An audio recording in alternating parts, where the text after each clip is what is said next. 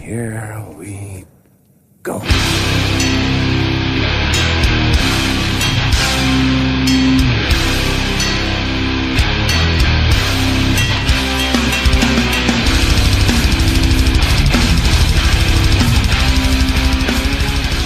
Då så, nere på noll avsnitt 77. Jag David, mitt mot mig Robin Tja! och Danne.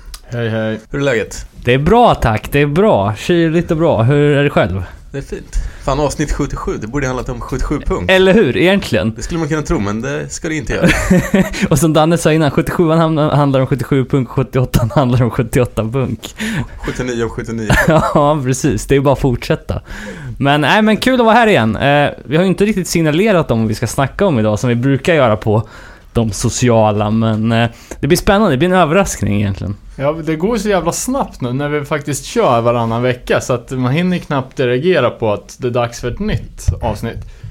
Ja, verkligen. Eh, fick vi någon feedback från förra avsnittet? Jag kommer inte ens ihåg vad vi snackade om.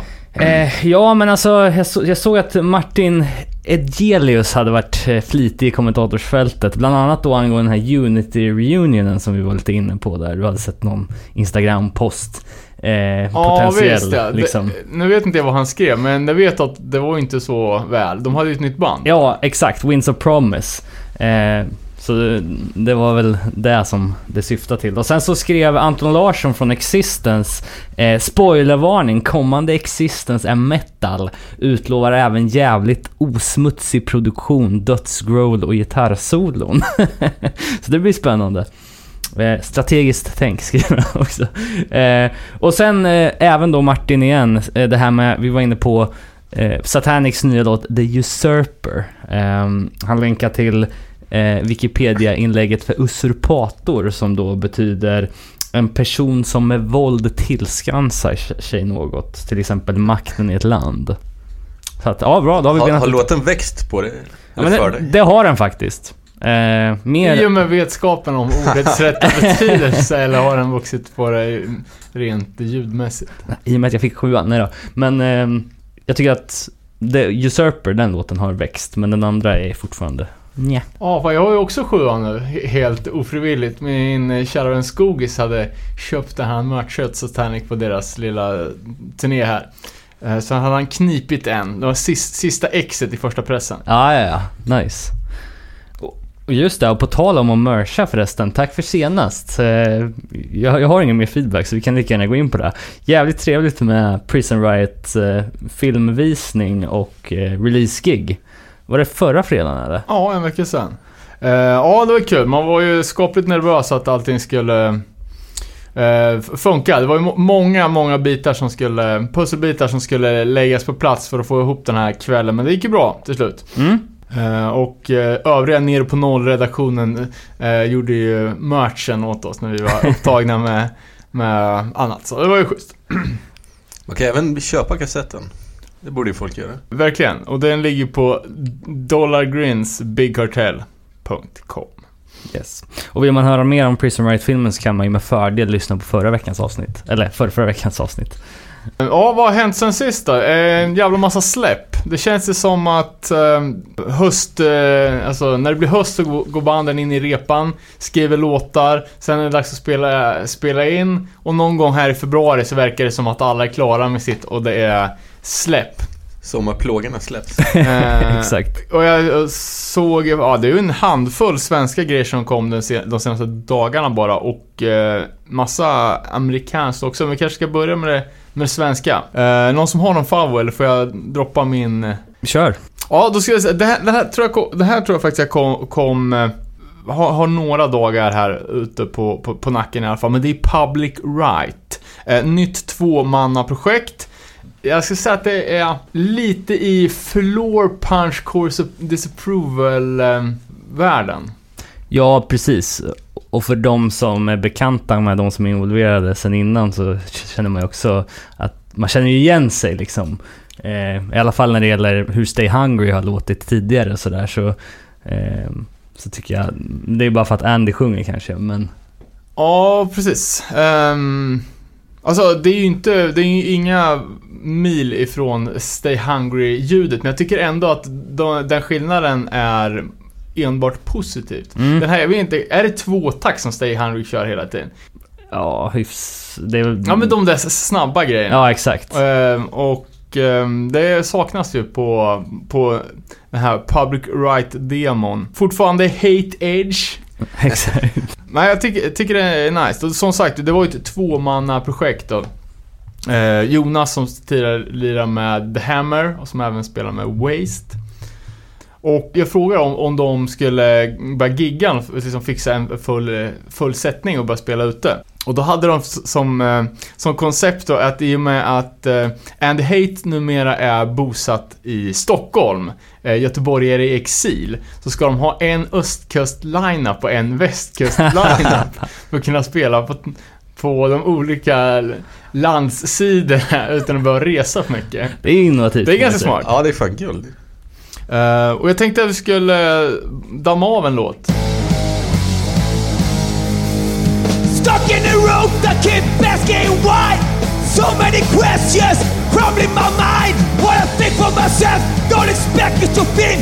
When the world has cold, will you finally see? Spreading lies, spreading hate, you wouldn't hesitate. You're the shape of a modern man. Same on you, nothing new. Action to will stick on you. You're a product of the topic down.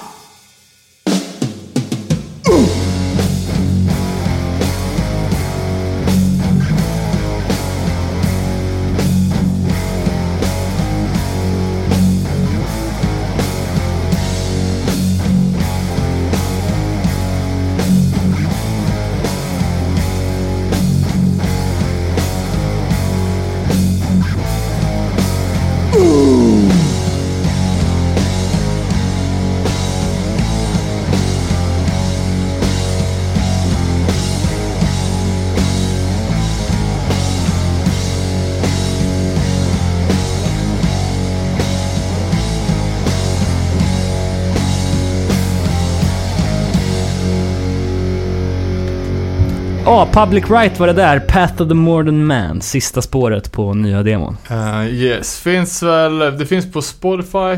Spotify? Spotify. Spotify, jag tror garanterat att det finns på en Bandcamp också. Bandcamp, ja. Och ska inte förväxla dem med Primitive Rights, gamla Malmöbandet, eller Primal Right. Fan, Eh, mycket det- rides nu alltså. Ja, nya Rev-bandet. Uh, vad har vi mer? Eh, bandet Haag, har ni lyssnat på dem? Hag? Hag. Eller? Är det, är det staden Haag? Hag menar jag såklart. Nej, jag har inte... Fan, det är tävligt dåliga uttal. Men Malmö va, eller? Ja, jag hade också missat det typ. Men Mm. jag såg något sånt du vet, Facebook-inlägg typ där folk skulle lista sina favoritband. Alla hade ju Hag. Jag hade Ja. aldrig hört talas om dem innan. Alltså? Men nu har jag lyssnat på det. Det var ju jävligt bra. Fett. ja, ny sju, sjua ute eh, från Denial. Just ja. Eh, tidigare Örebrobolag, numera Malmöbolag. Eh, och jag tror att det är Linus som spelar trummor i Hag. Tidigare. Örebro-trummis, numera Malmö-trummis. Precis, spelat Arrogant State bland annat och, och sådär. Men de jobbar lokalt Denial, får man ju säga. Ja, nej men det är fett som fan. Sen har vi mycket Stockholmsprylar. Uh, senast så är, var det ju Piss Jar, som sna- snackat om förut, eh, som har släppt en sjua. Eh, ja, de har tagit bort sin gamla inspelning från Bandcamp, men jag är ganska säker på att det är inte bara nya låtar på sjuan. Mm. Jag för mig att den Piss Jar, vad, man, vad säger man? Theme Song eh, var med på, på deras tidigare demo också. Men det är bra. Eh, liksom, jag, jag tänker lite Poison ID-stök. Uh, ja, fy fan. Vi- eh, Ösigt, ösigt band som Mm. fan. Eh, och ett annat gäng som kör nästan lite i samma, samma skola är X Inferno. Okej, helt missat. Eh, ja, jag med. Jag bara såg att det kom ut. Och det är ju då uh, Janne Elfstens nya band. X Örebro, numera Stockholm. Eller Kumla kommer han ifrån. Och det är också så här stök, stökpunk. Fast kanske lite mera rock-influerat. Men vilka bra. Catchy, catchy och stökigt. Eh, Coolt. Känns bra. Eh, och sen har vi ett eh, till gäng. eh, som är Stockholm slash Västerås. Dividing the Scene. Ja just ja, det här har jag faktiskt lyssnat på. Skinheads som spelar hardcore. Exakt. Jag tyckte det var jävligt fräscht faktiskt. Ja, och där, jag vet att man lirat in en Warzone-cover. Ah, så det, nice. då, får man ju, då får man ju hjärtat att bulta lite extra. Eh, och jag tänkte vi skulle eh, sluta med en eh, Dividing the Scene-låt. Eh, sen har du jävligt mycket nytt, amerikanskt. Det bara st- strömmar ut. Ja för fan, Turnstile släppte ju Time and Space. Ja, men eh, visst fan. Och... Eh, Är det skiva eller en låt? Exakt, skivan. Eh, premiärstreamen, roligt nog, jag har lite roliga fakta om den här. Premiärstreamen var på npr.org, alltså National Public Radio i USA, vilket är lite roligt. Eh, Det, det är alltså... Ja, sr.se typ, Okej. alltså motsvarigheten där. Och eh, sen så... De är så stora nu så att både New York Times skrev en artikel eh, för kommande skivan. Och eh, Revolver Mag gjorde en sån här super clickbaitig artikel. Seven things you should know about Turnstile. Eh, Vad var det för sju saker då? eh, Finns det ens sju saker att veta om dem? eller, själva, själva rubriken var Seven reasons you should give a shit about Turnstile. Såklart. Kaxigt. Ja, eh, några av dem var, de har varit i hardcore-scenen länge. Alltså det var liksom så här. Eh, De vill det här jättegärna. ja, liksom. De har inga limits för deras sound, med sådana där grejer du vet. De Eh, tycker att pastell är snyggt på riktigt. Ja, exakt. Eh, och sen Pitchfork eh, skrev en recension av den här nya plattan eh, som var, alltså, helt jävla galen egentligen. Liksom eh, felquotar låtar från tidigare plattor, jämför dem med Deftones, eh, anklagar dem för att vara sexister och lite så här, så jättekonstiga grejer. vänta nu, vänta. Va, vad fan är Pitchfork? Jag känner bara till Freddie Madballs klädmärke.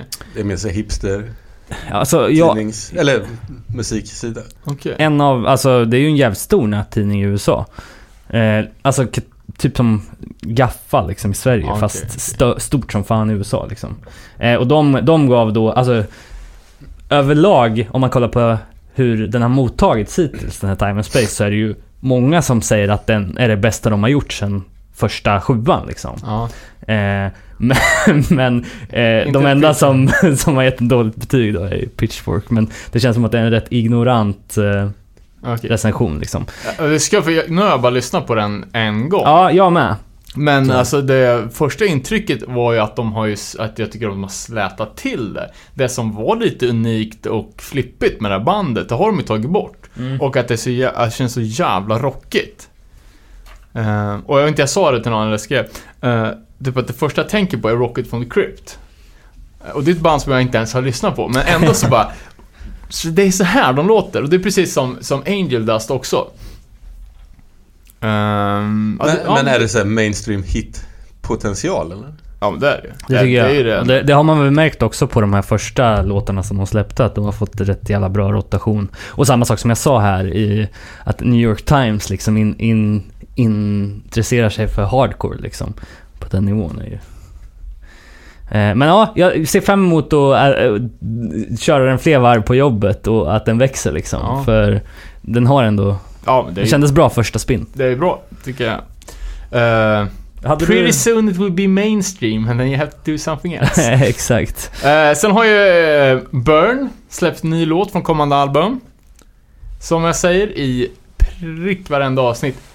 Hardcore-branschens mest överskattade band och så även denna gång. Jag tycker det är ren smörja om jag ska vara helt ärlig. Åh fan. Jag fattar inte, det, det som... eh, eh, ja, men de brukar ju tillskansas det här epitetet med att vara så progressiva och att det liksom är en typ, alltså fortsättningen på hardcore, du vet. De gjorde ju den grejen liksom när, eh, när band som Quicksand liksom lämnade klassiska nu hardcore-stuket och började söka sig ut mot eh, lite andra eh, ljud liksom. Men det blir ju bara dåligt. Jag tycker det är så... Men det är kul ofta att, det, att, här, att något är progressivt brukar alltid användas som positivt. Oftast är det ju skit. typ. Ja. Ehm, men jag gillar ju när Turnstyle gör, gör någonting progressivt. Men när de här jävla trötta gubbarna gör det så, nej jag tycker det är... Alltså jag är fan inte en hater, men det här har jag aldrig fattat alltså. Ehm, Sen ett annat band då som, eh, som också gör en liten ny grej, det är ju Battle Ruins. Mm, det- ja. Eh, som... Eh, där är också ett så här band som... Eh, ja men som folk bara dyrkar liksom. Ja. Hur, hur många fler sista spelningar blir det? Ja, exakt. Men det är också intressant för att om det kommer de här, de här Tyrant, danskarna som släppte sjua förra året. Inte X-Tyrant X från Det Detroit. är enda Tyrant man behöver Nej. känna till. Nej, det kom ju ett danskt ojband typ som, som gjorde Battle Ruins Rip-Off. Eh, lite mer rockigt än ojigt. Men det konstiga är att nu låter Battle Ruins som en Tyrant Rip-Off. Så parodi på sig själva. Ja. Jag tyckte Eh, det låter ganska bra. Det är ju bra, det är ju skitbra, men det är ju så, det börjar bli så jävla rockigt. Eh, man skulle vilja ha lite, fan lite gruff på det hela. Mm. Uh, sen har vi ju Fireburn. Eh, All-Star-bandet. eh, som släppte, de släppte ju en, vad var det fyra låtars tolva här tidigare. Ja, i, förra året. Eh, och nu är de ju ute med två nya låtar. Eh, och ja, Fireburn, det har vi, har vi pratat om vilka det var, men det var ju i alla fall han Joseph Israel, eh, eh, andra sångaren i Bad Brains. Eh, och nu känns det som att de gör den här Bad Brains-grejen fast lite för mycket, för sången är så jävla utspårad. Precis som, eh, som HR gjorde liksom sin sångstil unik, så känns det som att den här killen liksom också försöker knasa till det så jävla mycket. Eh, men vad fan, det är, är ett bra band men uh, måste ju liksom ha lite, lite begränsningar känner jag så att det inte blir för progressivt. För det, det är ju tydligen, det går inte hem här. Nej, nej, precis. Eh, jag kan sticka emellan med, eh, om ni har koll på er Cold World-diskografi så vet ni att de har splittat med War Hungry 2006. Eh, War Hungry har inte släppt någon, något nytt sedan 2011 men eh, nu har de i alla fall annonserat en ny fullis för 2018 så att det blir spännande. Se vad det kan bli. Pennsylvania-bandet alltså. Fan, delar inte de medlemmar också? Det kanske de gör. Eller är det bara något jag har fått för mig kanske? Ja, jag är osäker. Men de har inte varit så aktiva de senaste åren så... Nej, det är ganska fett. Eh, Jag tänker på den här splitten som du nämnde, att de gjorde ju den med massa olika omslag, så varje bandmedlem fick, eh, fick ett, ett, eget, alltså sitt eget foto på framsidan. Mm. Och det är någon i War Hungry som är så in i helvete hårig. Ja. Det är så jävla sjukt foto. Det är så att brösthåret går över, täcker hela halsen och går upp till skägget. Och går ihop med håret. Ja, det är så jävla snyggt. Riktig jävla troll alltså. ja. Ja. Eh, så har vi ny, nytt gäng eh, som jag verkligen tycker låter svinbra. Men som jag aldrig har kollat upp på grund av dåligt bandnamn. Eh, det är ju sämsta bandnamnet sen eh, Cold World hade sitt projekt Magnus. Eh, och det är Berthold City. Ja, just det. Eh, LA-band med Andrew från Strife. Eh, och nu, de släppte ju Moment of Truth-demo. Nu är det ju pre-order uppe på Moment of Truth 7-tums-varianten. Ja, det låter svinbra. Uh, ja, men typ sån modern Youth Cruise kan man säga. Men lite eh, raspigare sång. Uh, ja, låter skitbra. Ut, ute på War Records. Nice. Eh, ja. Eh, bara e- en eh, kul grej från förra avsnittet som är intern feedback. Ehm, David frågade ju om, om jag skulle, skulle köpa testpressen på, på Warzones självbetitlade dåliga skiva. ja, just ja. Eh, och då sa jag att jag skulle göra. Tror på fan inte att den jäveln låg ute på Ebay medan vi pratade om det utan att veta om det. Och fan. det här var alltså ett, ett ex av ett pressat. Så Shit. den enda testpressen som fanns, enda gången den har sålts, låg ute när vi snackade om det. Och den har gått nu eller? Ja. Och Vann du den? Nej. Eh, jag la 200 dollar men det, det räckte tyvärr inte. Så Vad slutade den på då? 202,50. Fan, vi har ju inte återkopplat hur det gick för dig med din eh, eventuellt fejkade eh, eh, i, eh, som, som du köpte. Var det Misfits-skivan som du köpte? Ja, horror horror business. business. Ja, exakt. Ja, jag är, fan, jag är splittrad på det. Så jag, jag tror fan nästan fortfarande att det är en, typ his, historiens största bootleg-scam alltså. Okej. För... Har, du, har det hänt något där? Hur, hur ser historien ut liksom? Och hur ska man kunna samma... Har, har vi pratat om det här? Eller Ja, vi, vi har, jag har ju Ja. pratat om det, men jag har inte följt upp det sen Ah, dess. Det Nej, det, har inte, det har inte hänt något mer, men jag, jag hör ju folk på daglig basis i samlarkretsar som, som, som har köpt liksom och eh, Vissa har ju såhär bara, typ, det kändes lite för bra för att vara sant.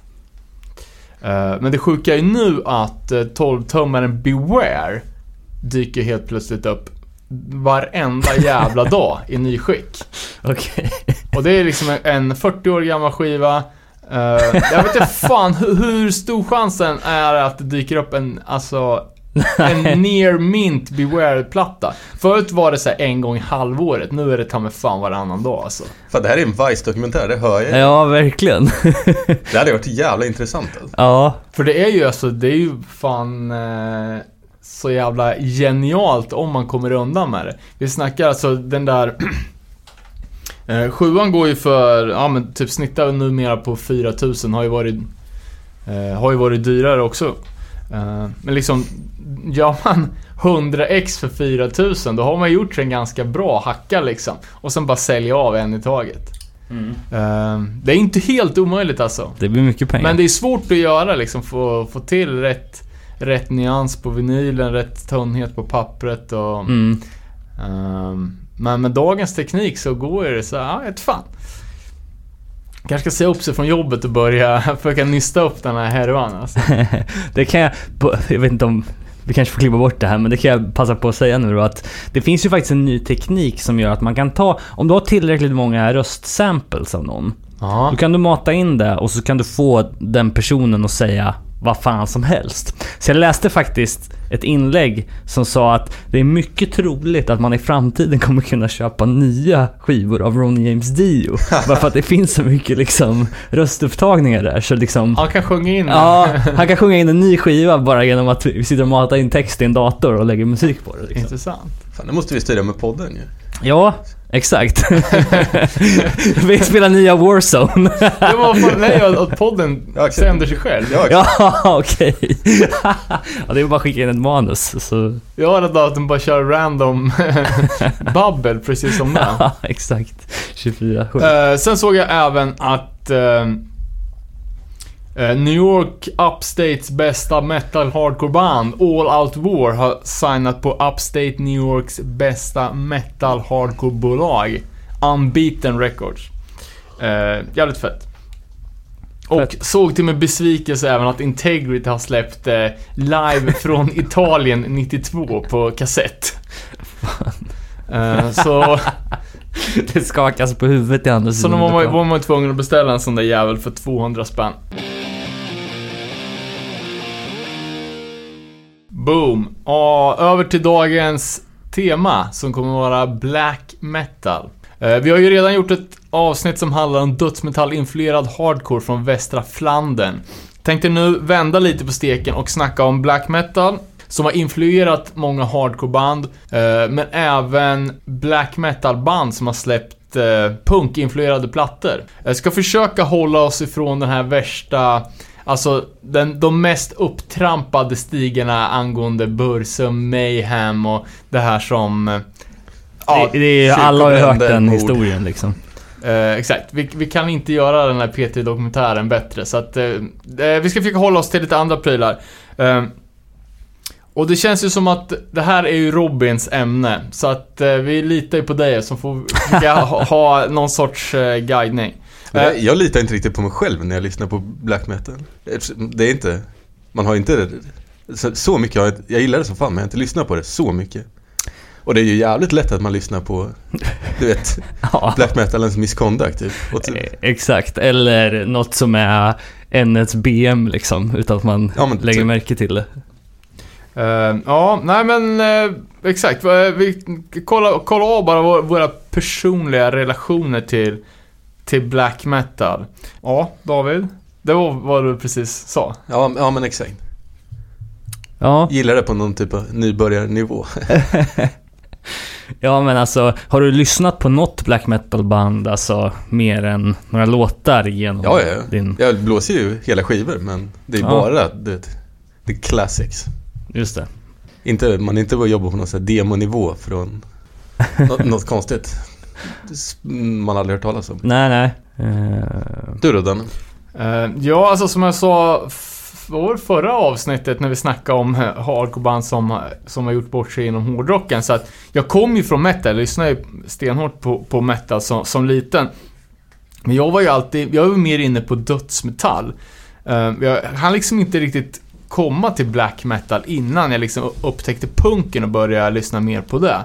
Lys- eh, Och när jag hade min liksom metal peak, då var jag typ 12-13 år och då gick det inte att få tag på, eller för en 12-13-åring i Örebro gick det i alla fall inte att få tag på några skivor. Eh, Och även om man kunde läsa om eh, Bursum och Count Grishnak i tidningen liksom, så det var aldrig någonting som jag, jag snappade upp.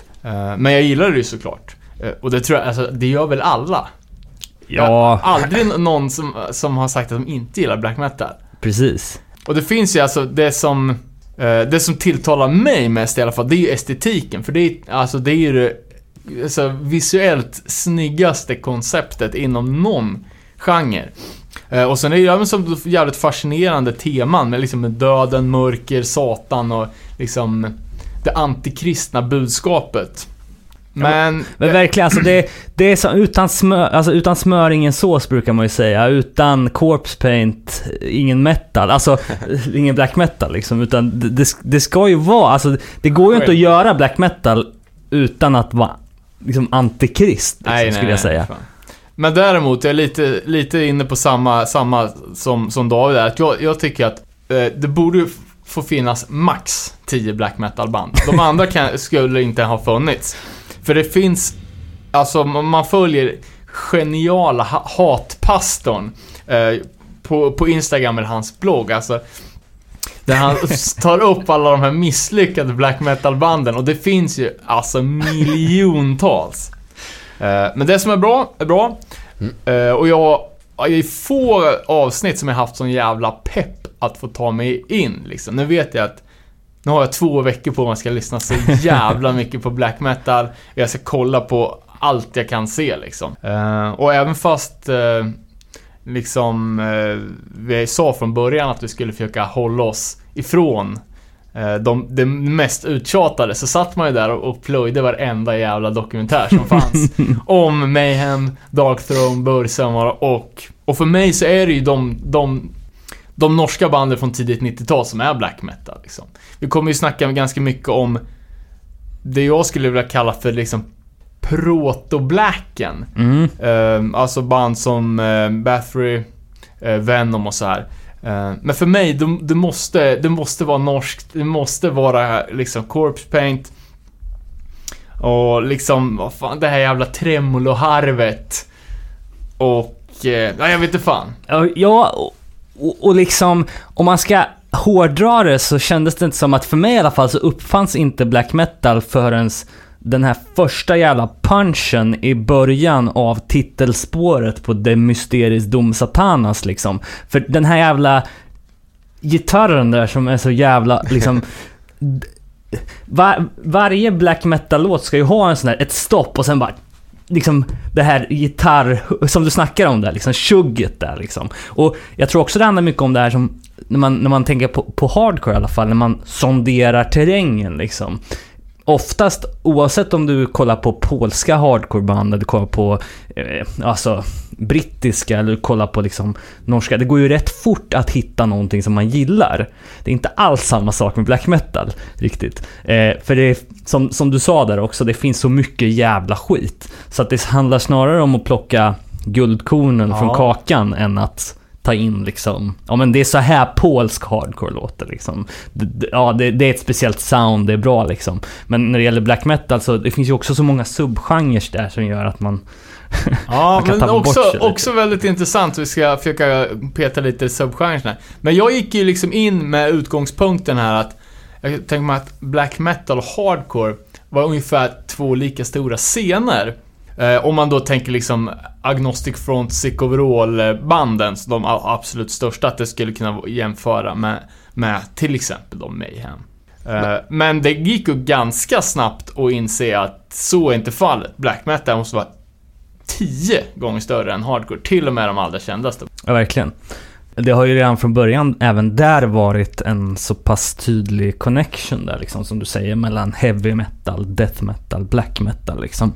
Det har alltid funnits ja, de möjligheterna att spela på samma festivaler och så här. Punken och hardcoren har inte alls varit lika accepterad i de sammanhangen, skulle jag säga, när det gäller mainstream liksom. Ehm, det var ju, det är ganska ofta man ser festivaler där, eh, ja, vad ska vi ta, Watain delar scen med Europe liksom. Ja. Det är inte alls samma sak som att Incendiary delar scen med The Poodles. Ja men alltså, du fattar.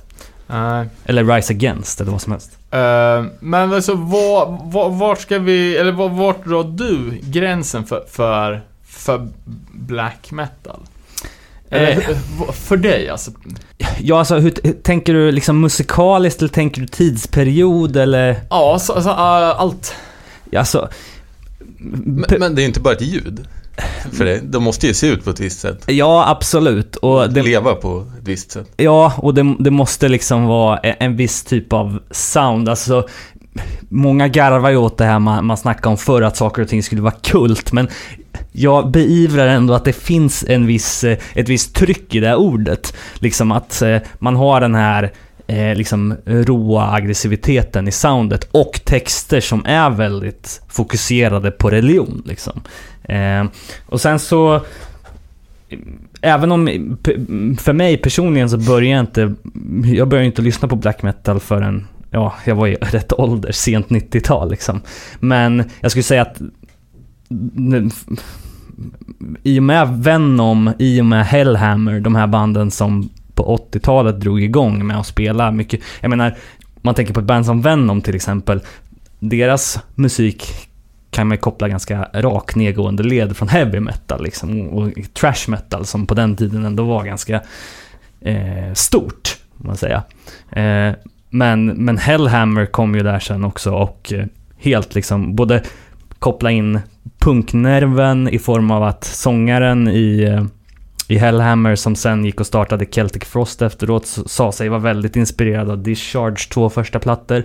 Eh, och eh, ja, det de gjorde med sin skiva från 83, Death Fiend, är ju... Det kommer ju att förändra hela, hela soundet liksom. På samma sätt som Mayhem sen kom med sin The Mysteries på, på 90-talet då. Men Eh, det, för mig är det tvärtom. Ja, för mig, det spelar ingen roll om de... De måste inte ha corpse eller sjunga om... Eller bränna några kyrkor eller... Ja, det spelar inte så stor roll. nej, exakt. Eh, Bara, det, för mig är det mer ljudet. Eller... Det, heter det tremoler eller? Tremolo. Tremolo. Ty- Typ det. Manglet är ju jävligt nice. mm, Men eh, alltså, det finns ju två ganska, eller det finns ju många olika riktningar. Men jag, jag tänker liksom den här pre-blacken. Eh, som är klart mycket punkare. Och vi, vi snackar liksom band som, som Hellhammer och Celtic Frost. Men även liksom eh, Venom. Och här har vi liksom, känns för mig i alla fall som att konceptet är typ inte riktigt satt än. Venom myntar ju begreppet. I den klassiska låten Black Metal. Eh, precis som DOA en gång satte liksom termen hardcore på, på Hardcore 81. Men gillar ni Venom eller? Jag tycker fan det inte är så bra alltså. Nej, okej. Jag har inte lyssnat jättemycket på det men... Så, Nej, alltså det jag lyssnar mest på är ju då den här klassiska eh, black metal-plattan liksom. Eh, och eh, den tycker jag håller fortfarande, till skillnad från mycket annat som kom på den tiden. Men eh, ja visst, eh, de, eh, de gjorde ju också om sitt sound rätt rejält på senare releaser Ja. också så att... eh, Men... eh, För det, det soundet ligger ju skapligt mycket närmare eh, liksom klassisk heavy Ja, metal. exakt. Även fast de hade en mer satanisk eh, approach och eh, ja, men, körde lite hårdare på, på den biten. Och jag menar det, om de inte hade haft estetiken, då hade det ju varit Anvil för fan. Ja, det är sant. Det är ju alltså, här har vi verkligen en genre där det är det är dans på en jävla spindeltråd alltså. Verkligen. Men, alltså. Det är så få band som klarar att göra det här. Eh, göra det och komma undan med det utan att det blir pajas liksom. Eh, om man kollar hardcore. Liksom, eh, hardcore skapades ju för att kidsen ville lyssna på punk, men de kunde inte relatera till Sid Vicious. De ville ha sina kläder som de hade dagligen när de gick upp på scen och spelade med sitt band. Eh, här är det ju precis tvärtom. alltså det är helt, i princip omöjligt att hålla uppe black metal-stilen dygnet runt liksom. Och då bygger man ju upp en, sånt jävla, en sån jävla fallhöjd. Det var ju som liksom typ största misspeppen när vi var och kollade på Mayhem. Det var ju att eh, gitarristen liksom tog fram en Magnum Brut champagneflaska bara. ja, bara exakt. för i helvete, här ska inte drickas någon jävla champagne för fan. Det ska vara, i så fall ska det vara något jävla transylvanskt rödvin Ja, jag menar det. Jag Helst menar det. blod liksom. Men det får man ju ändå säga. Har, har, eh, har man sett eh, Metal, A Headbangers Journey från 2005 där just... Det här var ju Necro Butcher som gjorde det. Han har ju en legendarisk intervju i den dokumentären där han bara sitter och säger 'fuck you' konstant i fem minuter. Så han har ju superdåligt ölsinne men... Men ja, det var en patetisk eh, konsert i alla fall. Men det är ju som du säger, det är så jävla mycket bitar som måste vara på plats. Mm, ja verkligen. Du vet, blir han fotad i, på badbyxor, då är det ju kört. Precis. Ja.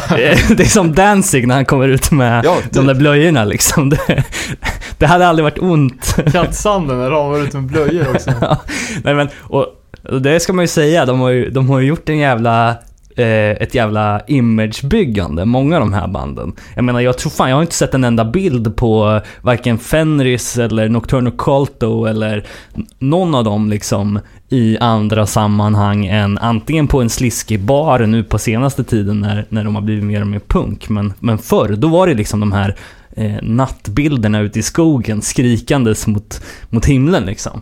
Eh, och samma sak med, jag menar, Eh, gal från, från Gorgoroth och, och hela deras eh, estetik. Det finns ju en, en, en jävligt bra bok om man vill sätta sig in i det här av Pete Best som gjorde eh, True Norwegian Black Metal när han under ja, femårsperiod fotade många av eh, de framstående personerna i norska black metal-scenen. Eh, och, och även där ser man ju liksom att ja, han, han, han skriver själv i den boken att han fick liksom tvinga ut dem i, i andra sammanhang än, än på scen liksom, för att för att ta de här bilderna. Vissa av dem lökiga, andra liksom jävligt coola håller än idag. Eh, ni har säkert sett den här klassiska när eh, jag tror det var dåtidens trummis i, eh, i Gorgoroth står i någon gata i Bergen och, med full corpse paint och det kommer förbi en, en gammal tant och bara ser helt Ja, förskräckt det är ut jävligt liksom. bra. Eh, Men är det också bilder när de situationstecken vanliga? Eh, ja, inte så mycket. Jo, eh, på vissa utan, utan corpse paint, men framförallt eh, liksom backstage på, på spelningar och liksom eh, ja, vad, vad, vad, vad för sig går liksom. Och även ute i skogen och så här. Och den enda som egentligen framstår som en jävla jöns, det är ju då Abbat, inte helt oväntat. Tänk dig Eh. bild där Mayhem typ äter tacos en fredagkväll Ja, hemma hos exakt. Jeronimus föräldrar som har lagat det. Det hade Ja. man. Eh, ja, exakt. Och- Men det är också som du snackade om den här fotoboken, att det finns, alltså... Det känns som att, liksom som hardcore-punken, att eh, det är lite, alltså att det är scener som har blivit ganska exploaterade av företag som har hakat på, men i black metalens fall också jävligt många olika, inom situationstecken, konstnärer. Mm. Eh, som liksom den här fotoboken, det, det är inte en enda jävla Vice-tidning som inte har ett fotoreportage med med den här feta liksom corpse paint-bilder och det, ja, men, spikar och blod och eld och verkligen. hela skiten. För det är ju så jävla tilltalande. Det är så tacksamt ämne. Eller exakt, det är lätt, Mm. det är lätt jobbat.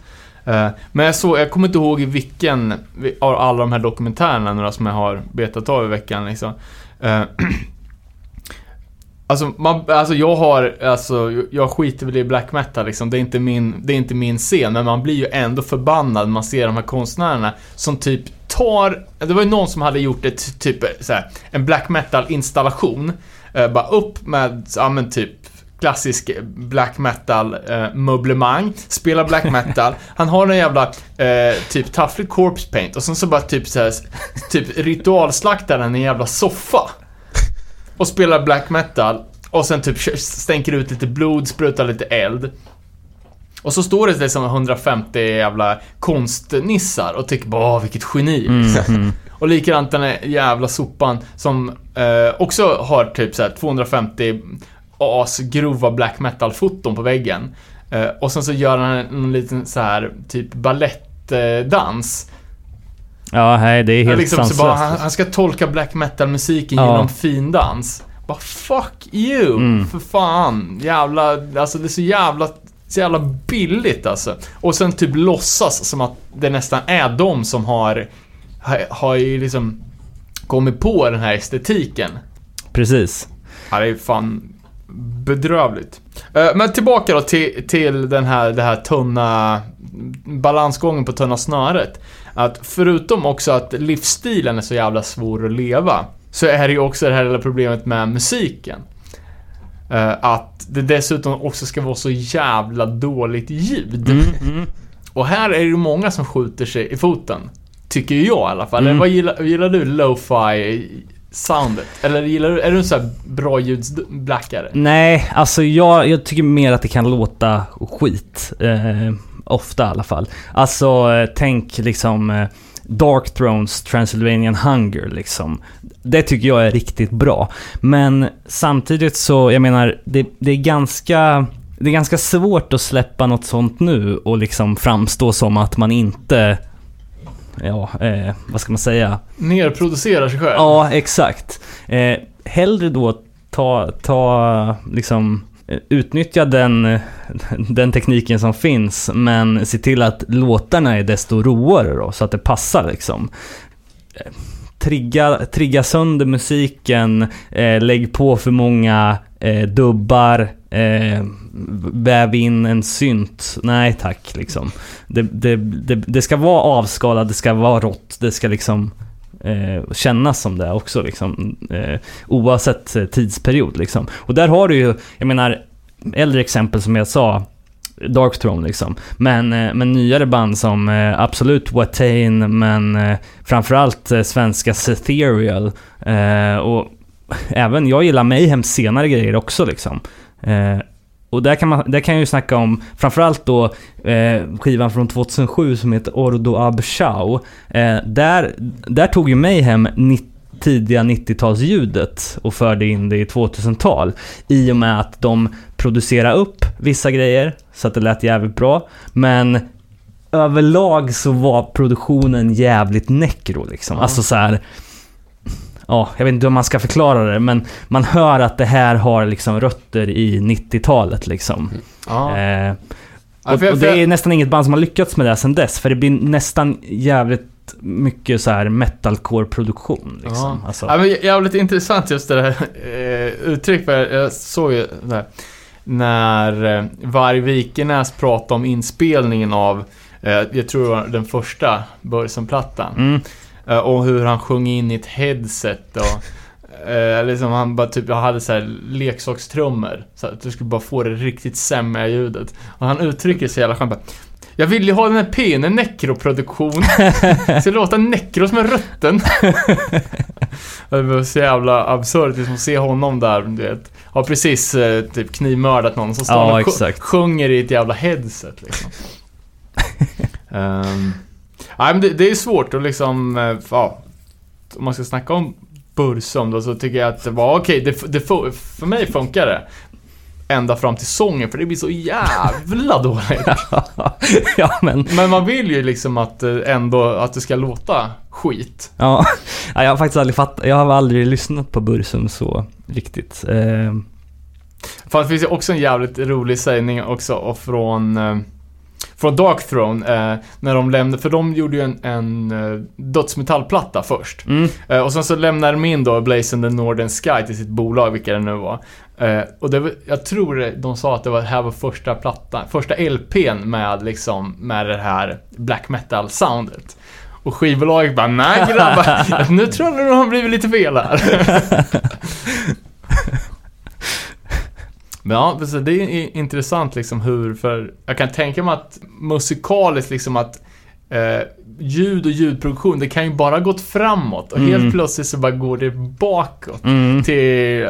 Alltså, har det hänt förut att någon har liksom... Ja, kanske så här, Jag tänker lo-fi garage. Att man bara låter sämre, men jag vet. Ja, det är ju jä- jävligt intressant i alla fall. Ja, men jag, jag har för mig att jag läst historier om band som liksom har försökt spela in en platta på 2000-talet men sen valt att bouncea ut det från Logic med... De stänger av ett spår helt enkelt från gitarrerna och då blir det som bäst liksom. Ja.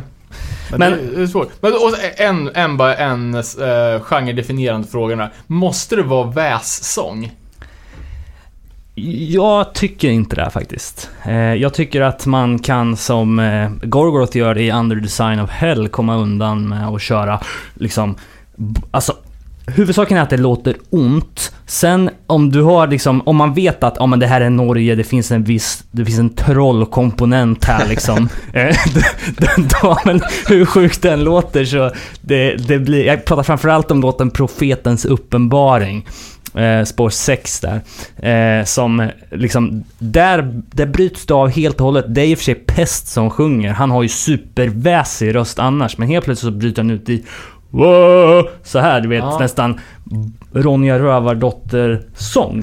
men och det, det blir så det är så- jävla atmosfäriskt liksom. I backdropen av att man har hört han väst på fem spår. Där det inte får vara i sån här yeah och... Ja, så- nej alltså fan det ska ju vara ont.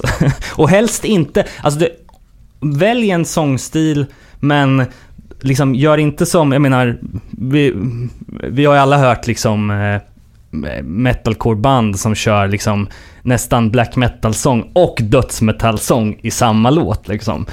Nej, utan eh, det ska vara ett spår och kör på det liksom.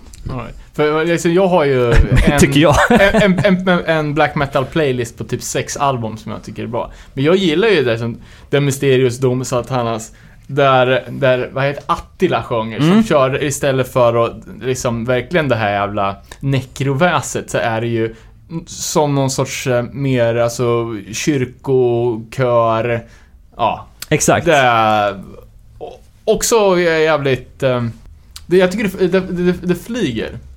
Men jag kan tänka mig att det måste vara en jävla, jävla vatten, vattendelare eftersom att eh, det är så stor, så stor del av eh, liksom konceptet black metal att det ska vara eh, sånt jävla väs liksom. Verkligen. Eh, ja, men har vi, har vi definierat vad, vad black metal är för oss då? Jag tror det. Um, ska vi försöka prata lite om, eh, om eh, relationerna då, black metal punk. Eh, black metal band som, som har gjort punkiga grejer och hardcore band som har influerats. Eh, och du komponerade en liten lista på plattor som vi skulle kolla upp. Eh, black metal band som har gjort plattor med punkådra. Ja, exakt. Och där får vi väl cirkla tillbaka då till det första som jag la på den här listan. Det var ju då Death Fiend med Hellhammer. Det Eh, var fan rått. Ja, det är också, vi ska komma till det, antalet kopior släppta och så vidare. Lite roligt. Men, men vi kan väl dra lite kort om Hellhammer då. Det är ju från Schweiz. ehm, och eh, de är från Nurensdorf specifikt då. De var aktiva... Klassisk. Ja, aktiva under 81 till 84. Eh, och eh, ja, som vi nämnde här, eh, ansedda som en av anstiftarna till black metal, liksom, alltså grundbanden. Eh, och och eh, de, eh, de inspirerades då av Precis som vi nämnde, Venom, eh, Motorhead som också var stora då, Black Sabbath och, eh, och även då Eh, Thomas eh, Gabriel Fisher som, är, som var frontman i det här bandet nämnde specifikt då Discharge. Eh, två första plattor, Why och Hear Nothing, See Nothing, Say Nothing. Eh, som stora influenser till det här bandet. Eh, Death Fiend då är ju osläppt i sin renaste form. Eh, ja, förutom då 20 eller 25 kopior på tejp eh, i, i början av eh, 83. Eh, Men jag, fan, jag såg aldrig någon bild på dem. De hade inte corpse paint och sånt väl? Nej, det tror jag inte. Jag tror inte att... Jag, jag ska inte svära på det här, men jag tror inte att eh, Tom började köra Corpse Paint innan Celtic Frost. För Celtic Frost var ju uppföljarbandet till det här och de blev ju svinstora även de. Men eh, en, en, en intressant benämning på Death Fiend eh, brukar utöver att det kallas lo-fi även kallas för shit-fi. Vilket är lite kul. Det är ju en jävligt rå, ett rått tape. Och, och den, eh, den kom ju med på eh, en compilation som heter Demon and Trails med Hellhammer som är liksom en, en uppsamlingsplatta eh, som kom lite senare. Så den här Death Fiend vet fan om det går att hitta idag om man inte lyckas komma över. De 20 tapesen. Nej, precis. Men det är nio låtar i alla fall. Och, ehm, ja, det har ju kommit att bli jävligt klassiskt. Eh, alltså superhögt, aggressivt, rått som fan liksom. Men med den här punkådran som vi nämnde liksom. Ja, det är ett jävla monster. Ja, fan, jag, eh, det här var ju det första då som man började, började kolla upp. Jag, eh, jag, har- jag har ju skivor med, med Celtic Frost. Det det är bra band, men jag har aldrig hört Hellhammer. Eh, och jag tyckte det var pissbra. Alltså, till en början var jag fan var så jävla peppad. Liksom, lagom low-fi och liksom med dive bombs och allting. Eh, och eh, tänkte direkt att det är, finns jävligt många typ hardcore punkband som har inspirerat av, det här. Ehm, ja, det kändes som ett riktigt så här A389-ljud liksom. Mm. Dock måste jag säga att jag tröttnade fanns ganska snabbt. Ehm, de har ju en, jag tror det är någon samlingsplatta på Spotify. Ja, Eh, men det är väl den här in Trails. Ja, och sen vart det fan jävligt fattigt ett tag. Mm. Så man får nog, om man ska lyssna på sån här eh, s- eh, skrött black, då får man ju ta och göra det korta perioder, i alla fall om man är jag. Och sen, som med mycket av sån här musik liksom, jag menar, det krävs ju att man har en relation till det liksom, för att det ska riktigt... Ja, säkert, säkert. Eh, men, ja, ja, vi kan hoppa vidare till nästa då. Det är ju då uppföljarbandet Celtic Frost, deras första eh, Fullis Morbid Tales, eh, som Eh, de bildade bandet direkt efter Hellhammer när de la ner 84. De fick skivkontrakt utan någon form av demo eller någonting. Det var bara att skriva på. Eh, och eh, här då, i och med Morbid Tales, så instiftade de Corpse Paint. Eh, på riktigt. Det blev liksom... Alright. Eh, och deras, deras debut då, den här miniplattan Morbid Tales och även uppföljaren To Megatherion eh, Eh, har senare givit namn åt eh, och influerat jävligt många svenska band. Inte minst då bandet Therion som tog namnet därifrån. Den släpptes då i november 84 eh, som en mini-LP med sex låtar men eh, både Enigma och Metal Blade i USA har återutgivit den här plattan eh, som en vanlig LP. Ja, det är ju en, både en, vad ska man säga, punkådra men också en trash metal-ådra i den här plattan.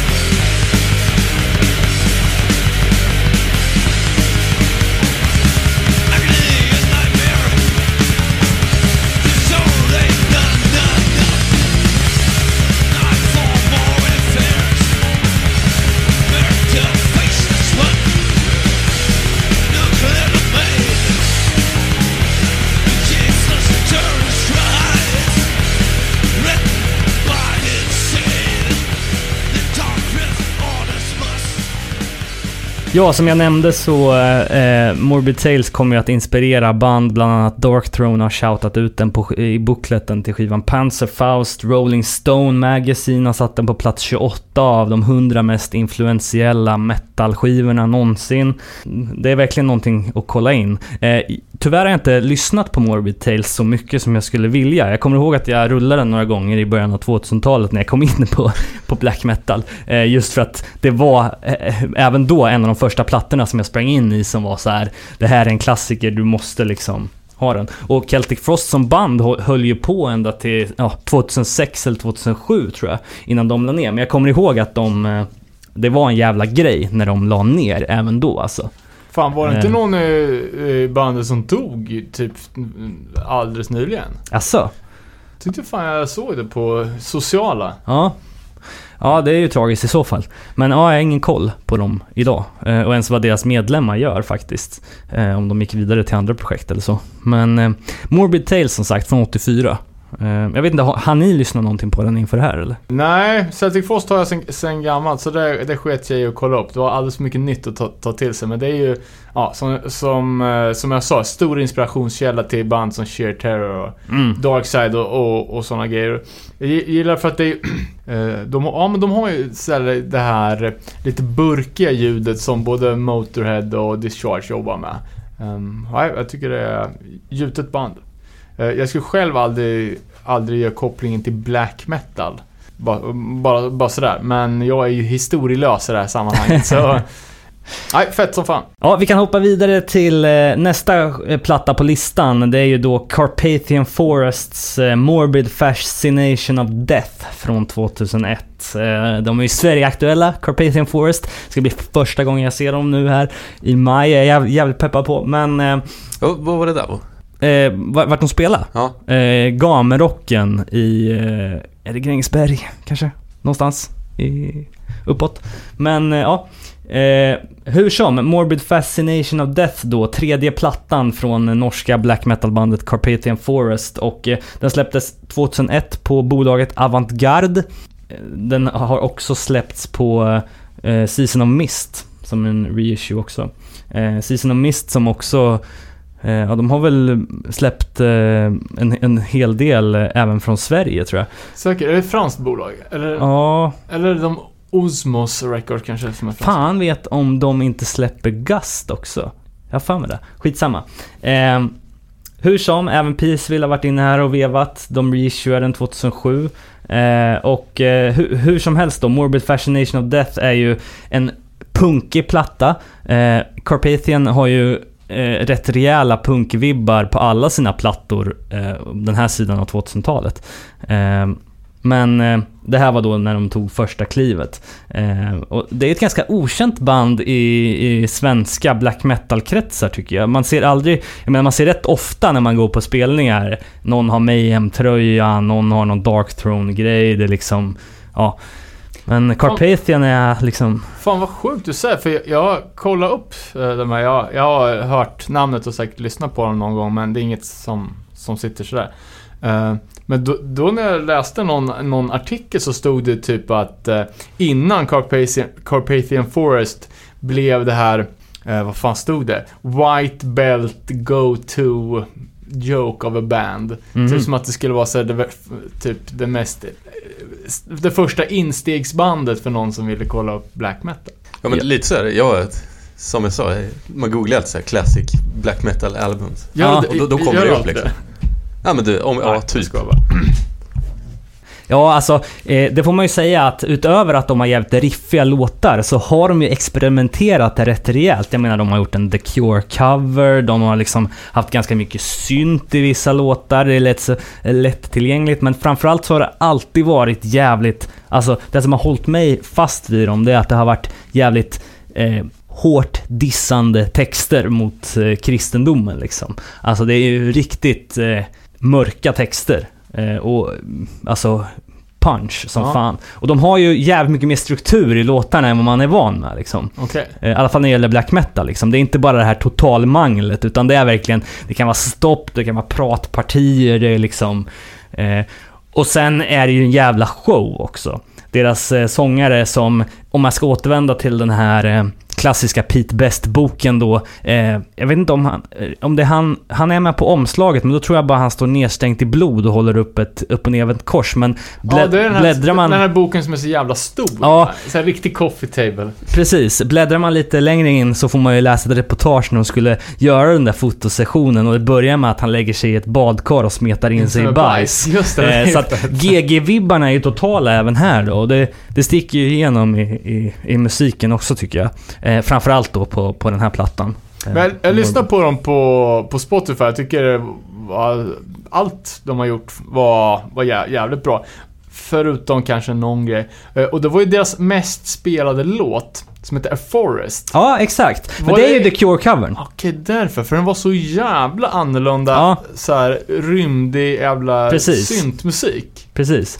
Och det där går ju i, i linje med eh, vissa band som i, i Norge har börjat spela stenhård black metal, typ Ulver, som sen har gått över till att spela helt och hållet ambient musik. Eh, och det såg du ju med även Bursum liksom, hade eh, ambienta partier liksom i Jo, låtar. men det och- var ju under de åren som han inte fick ha gitarr i fängelset.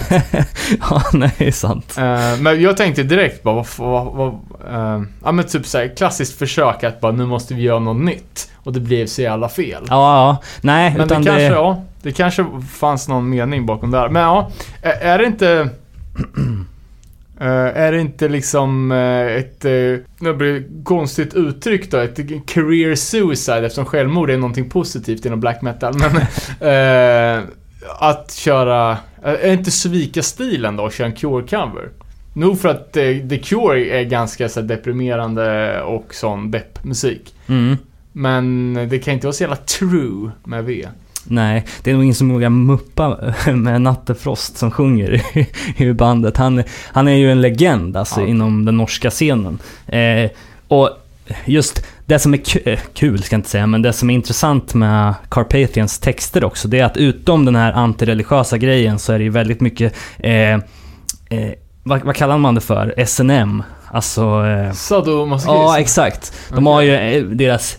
Eh, en av deras mest kända låtar är Sadomasochistic som jävligt svängig låt alltså. Men eh, de har en skiva som heter Black Shining Leather. Alltså det är mycket sånt där. Estetiken, det är liksom...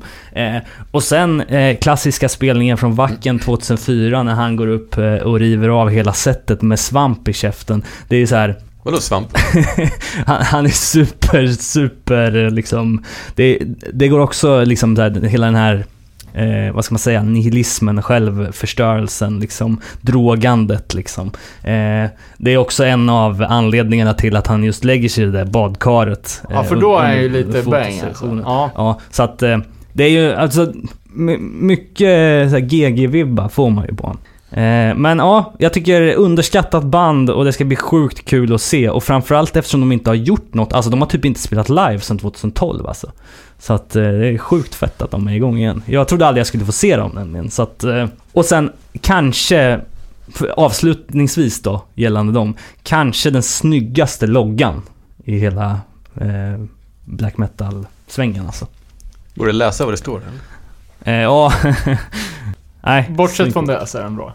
Eh, Ja, ska vi fortsätta hålla oss i Norge då? Jag Ja. känner, ser ett bandnamn jag känner igen. Dark Throne. Precis. eh, The Cult is Alive från 2006. Eh, Det var ju eh, skivan där Dark Throne tog steget från att spela liksom ganska rå black metal, den här liksom som man var van vid, till att bli mer punk då. Och The Cult is Alive är ju då eh, Dark Thrones elfte studioalbum, så att det är ju liksom Sjukt. sjukt hög produktionsnivå där. Och redan året efter så kom ju den numera klassiska plattan Fuck Off and Die som är mer liksom åt New Wave och British Heavy Metal hållet. Eh, men det var ju här de liksom omfamnade sina punkrötter. Jag vet att Fenris, han är ju ute och vevar i eh, olika signs och kolumner och även på norsk radio tror jag att han har haft ett punkprogram där han har spelat låtar. Men i alla fall, eh, The Cult is Alive är ju, eh, ja, ja, man kan säga som Fenris har sagt det, kalla det black metal eller evil rock eller ja, jag bryr mig inte. Men det här är ju mer liksom åt punkhållet liksom i alla fall.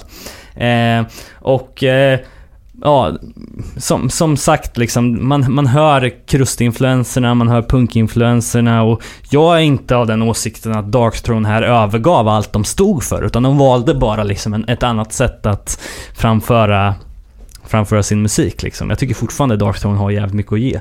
Men Eh, finns det folk som tycker det? Eller? Ja, det var ju många, många, många som droppade av i och med den här plattan kan jag säga. Det blev ett jävla liv. Jag kommer ihåg de forumen man hängde på under den tiden. Det var jävla... folkstorm kan man säga. Eh, och det- det är ett annat band också, Darkthrone, som jag tror att, nu ska jag inte svära på det här, men jag tror att de bara har spelat live en gång. Eh, I alla fall i stora sammanhang. De gjorde säkert några spelningar i Norge på 90-talet. Men de spelade ju faktiskt på Wacken om det var 2008 eller... Nej, det var inte 2008 för då var jag där. Men det kan ha varit typ så här 2006, 2007 eller någonting. Och då var det bara Nocturno Culto. Jag vet inte ens om Fenris var med. Fenris spelar ju trummor där. Det är ju Fenris trummor, Nocturno Culto, gitarr och sång. Och that's it. Det är hela bandet liksom. Men eh, då körde de i alla fall med hjälp av några sessionmusiker, typ tre låtar i slutet av Satyricons set liksom. Ja, fan jag, jag kollade, jag, tog mig, jag tänkte för, för eh, Transylvanian Hunger. Mm. Uh, Dark Thrones, vad blir det? Tredje platta kanske. Det är min personliga black metal-favorit. Jag tycker att de liksom fångar essensen av alltihopa. Lagom risigt ljud. Jävligt bra sång. Och eh, de liksom sätter ju, de är ju spot on med estetiken. Mm. Liksom det här eh, kontrastfotot när han står med, med kandelabern liksom. Eh, så bara, ja, guld, Cult is alive. Nu ska jag ta mig till en ny Dark Throne-platta. Fan vad nice. Och vi har ju precis sagt liksom att, när vi snackade om Hardcore vs Metal förra avsnittet, att om ett black metal, eller om ett metalband gör en punkig platta så är det bara bra och coolt. Vad de tappar här alltså. Jag tycker det är så jävla risigt. Och då, framförallt är det ju texterna. Ja, Alltså det är sån jävla bandit rock skit. det, är, alltså, det är ju Fenris som har skrivit texten också. Ja. Låtar som Whiskey Funeral ja exakt. och, och eh, låten Graveyard Sluts som handlar om att ragga brudar med stora bröst på en kyrkogård. Kom igen, det är så jävla risigt. Och man har är som, man är ju så jävla naiv så man tror ju att de här personerna är eh, Ja men du vet att de är 24-7 onda liksom. Ja, Och sen blir man så bara, fan vad är det här för jävla jöns? Och liksom man ser, ja jag vet inte, för, första liksom jag såg, eh, Dwid från Integrity hade gjort en jävla handgjord gitarr.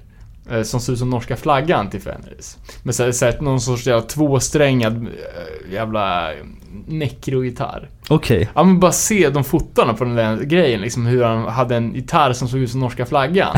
Det tyckte jag, det tyckte jag var liksom en skymf så här, bara så här får han inte hålla på liksom. Nej, jag är gravt eh, besviken på, på det där alltså. Då får, då är det bättre att de Går tillbaks, Ja, ja. exakt. Lägger av. Fan, de behöver inte göra 11 plattor. Nej, exakt. De kan göra en skiva och sen bara hålla den lite nice liksom.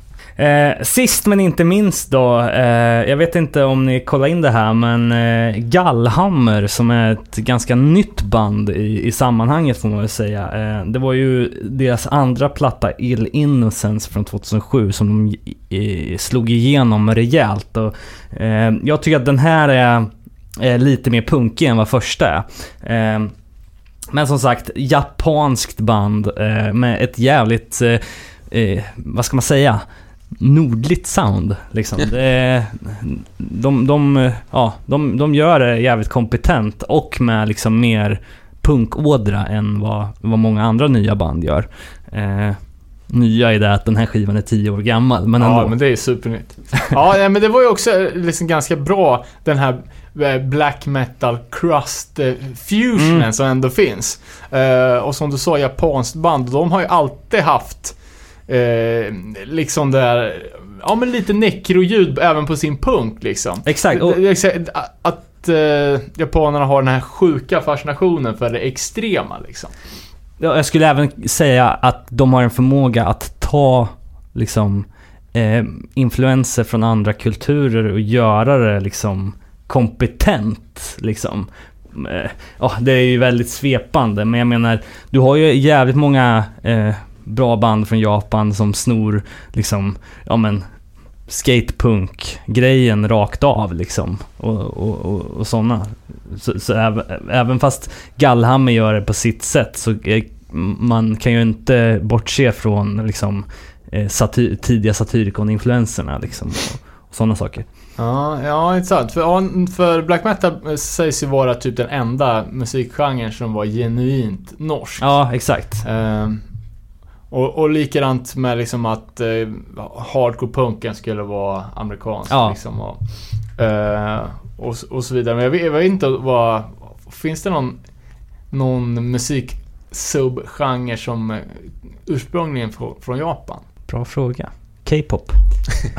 Nej, det är J-pop. Ja. J-pop Där med. fick vi svar på den. Uh, Alright, då fortsätter vi helt enkelt med subgenres. Ja, eftersom man bara har doppat tårna i det generella eh, havet av black metal så har man ju total noll koll, i alla fall har jag, på subgenrerna. Eh, men någonting som vi, har, jag tror vi har snackat om det, kanske inte on air men i alla fall privat, eh, så är det den här suicidial black metal eh, grejen och då framförallt bandet The Shining, eller Shining. Shining ja. Ja, det är ju vårt stora svenska representation där. Om man, Vårt svenska hopp.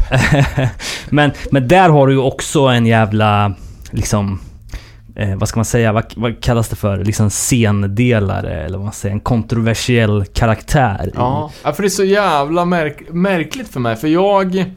Eh, ja, man, man, man ser lite, man hör lite. Men det, jag, jag kan liksom inte få ihop det här hur den här liksom Kent emo-rockaren kan vara ett black metal-band. Nej. Men det vill jag höra nu från dig Robin. Hur, hur går det till egentligen? Ja, eh, ska jag bara dra från mitt bakhuvud då? Var, om du vill höra argument för vad som har fått... Eh, Ja, du får, jag tycker det är asfascinerande. Det här är ju någon sån här självstymparsnubbe. Ja, som jag- jag- jag- har gjort 10 000 plattor. Jag kan dra bakgrundshistorien då. Eh, jag skulle säga att det inte är helt olikt Freddie Madball. Eh, Niklas eh, Kvarfort som då är masterminden bakom Shining, eh, spelade ju in första Shining-skivan när han var typ 12. Eh, och redan då alltså supermörka texter. Eh, och jävligt rå. Och det sjuka var att som 12-åring, jag tror inte han är mycket äldre än vad jag är, kanske 32, 33 någonting sånt. Eh, lyckades han då få Hellhammer från Mayhem att lägga trummorna på det här. Så redan där hade du liksom en komponent av liksom, att det skulle bli, få genomslag liksom.